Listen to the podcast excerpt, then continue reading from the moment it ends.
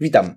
Niniejszy warsztat będzie poświęcony tematyce regulaminu wewnętrznego, metodyce pracy przy budowie zapisów, ale też poniekąd e, będzie on związany z filozofią, jaka stoi za regulaminem wewnętrznym. E, nadmienię na wstępie, że od mniej więcej 2017 roku zajmuję się konsultowaniem regulaminów wewnętrznych, tutaj przede wszystkim implementacją narzędzi automatyzujących poszczególne elementy procesu, ale wcześniej zajmowałem się również e, korektą instrukcji, a także recenzowaniem tychże. E, także zbiorcze doświadczenie, mam nadzieję, e, pozwoli Wam ułatwić sobie życie nowym regulaminem, czy napisanym po nowemu, chyba że zwyczajnie przed Wami rewizja zapisów dotychczasowego regulaminu. Dla tych z Was również myślę, ta treść może się okazać przydatna. Także gorąco zapraszam do właściwej części warsztatu. I drodzy, przejdziemy y, prezentację. Ja w kilku miejscach y, zrobię delikatną pauzę, ponieważ ten materiał ma charakter warsztatowy.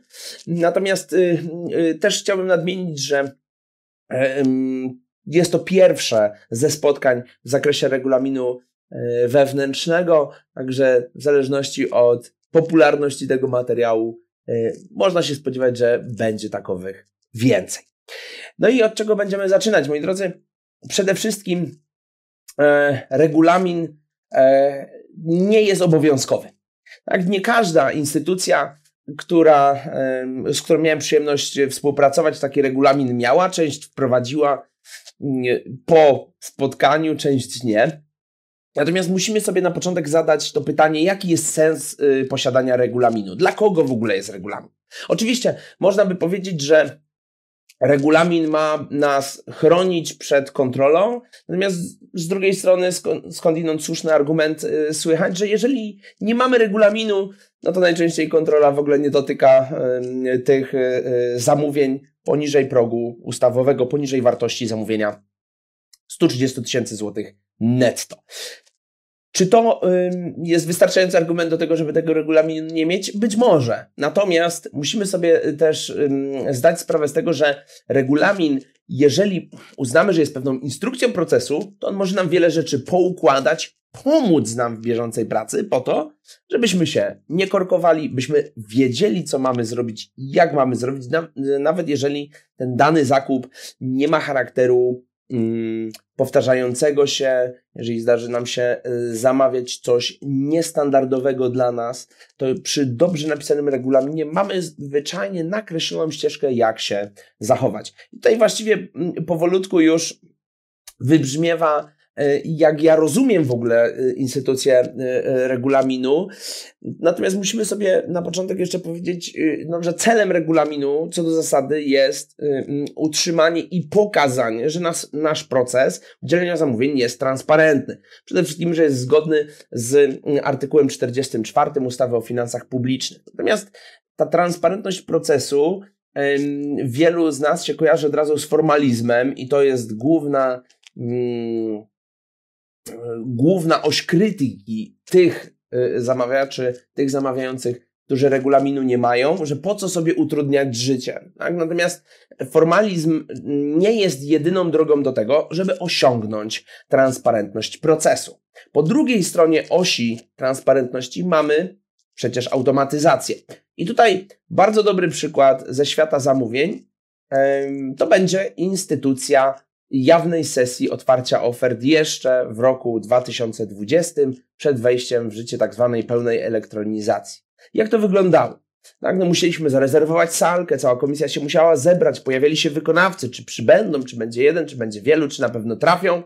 To w razie czego jeszcze sekretariat prowadził. No, generalnie jest to cały cały taki mini projekt spotkania się, utrzymania transparentności w formie czy w świecie papierowym, e, w świecie analogowym. Natomiast w chwili obecną, w chwili obecnej mamy do czynienia z otwarciem niejawnym. Dlaczego? Bo jest zautomatyzowane, tak? No bo tutaj kwestia szyfrowania ofert mm, zapewnia transparentność i zamawiający chociażby chciał, to oferty nie podejrzy. No więc po co spotkanie czy wideo kole z wykonawcami, skoro i tak mamy obowiązek podania informacji, co w ofertach było, a to systemy teleinformatyczne pilnują tego, żeby się z ofertami nie zapoznać. To jest bardzo dobry przykład, jak można było uciec od formalizmu i w świetle nowej ustawy maksymalnie uprościć ten moment otwarcia ofert w tym zakresie, w tym wąskim zakresie. E, podobnie będzie w przypadku regulaminu wewnętrznego, bo oczywiście też znam regulaminy, gdzie e, przewiduje się powołanie komisji, otwarcia komisyjnie i tak dalej, ale przecież można to tak samo odzwierciedlić.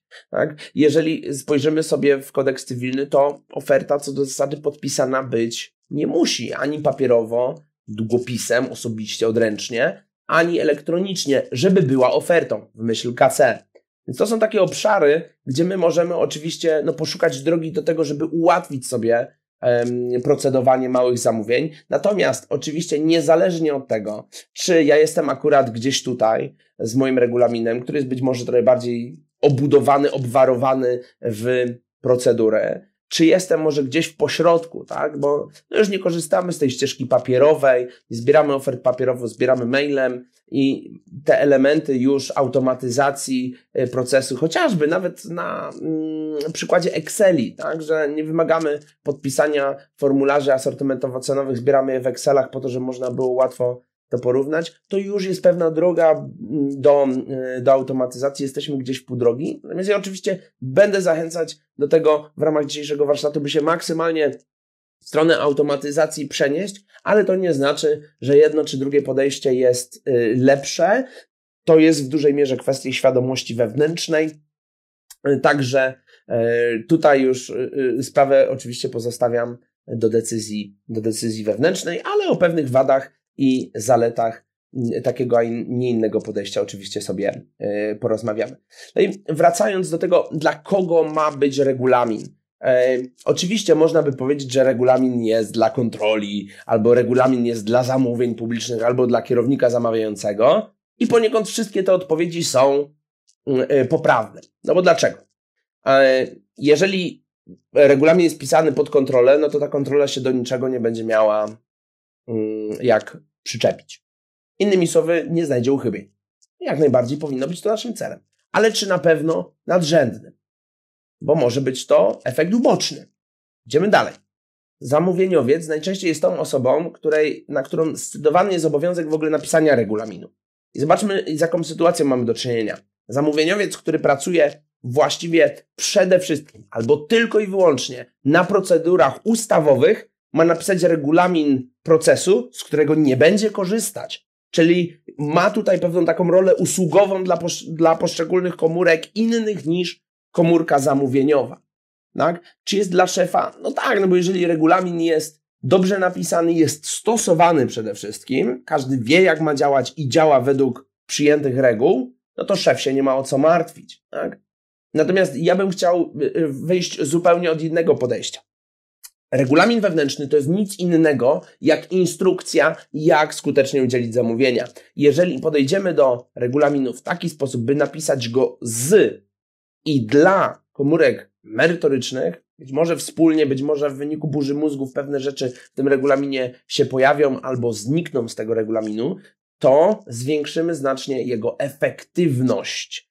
To znaczy, że niezależnie czy pracownik naszej instytucji ma staż jednego miesiąca, jednego roku czy dziesięciu, to będzie w stanie na nim pracować, bo szybko, jak to się mówi kolokwialnie, wejdzie w krew. Ale żeby tak było, no to musimy y, oczywiście y, mm, zastanowić się, jakie cechy ma dobra instrukcja jeżeli oczywiście przyjmujemy, że regulamin pewną swoistą e, instrukcją e, procedury jest. Przede wszystkim instrukcje powinny być proste.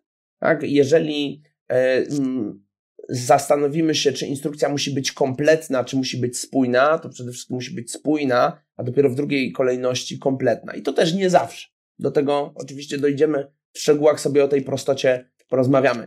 Mm, bo co do zasady, my nie musimy opisywać każdej procedury, która jest ustawie, tak? Czyli przenosić jeden do jeden albo, um, albo tutaj robić tego typu kalki, bo wtedy faktycznie możemy za bardzo odpłynąć w formalizmy, um, ale, ale tak jak wspomniałem, do tego, do tego wrócimy. Oprócz prostoty, Nasz e, regulamin powinien być podzielony na pewne sekcje, segmenty, rozdziały, zwał jak zwał, w zależności oczywiście od długości tego regulaminu.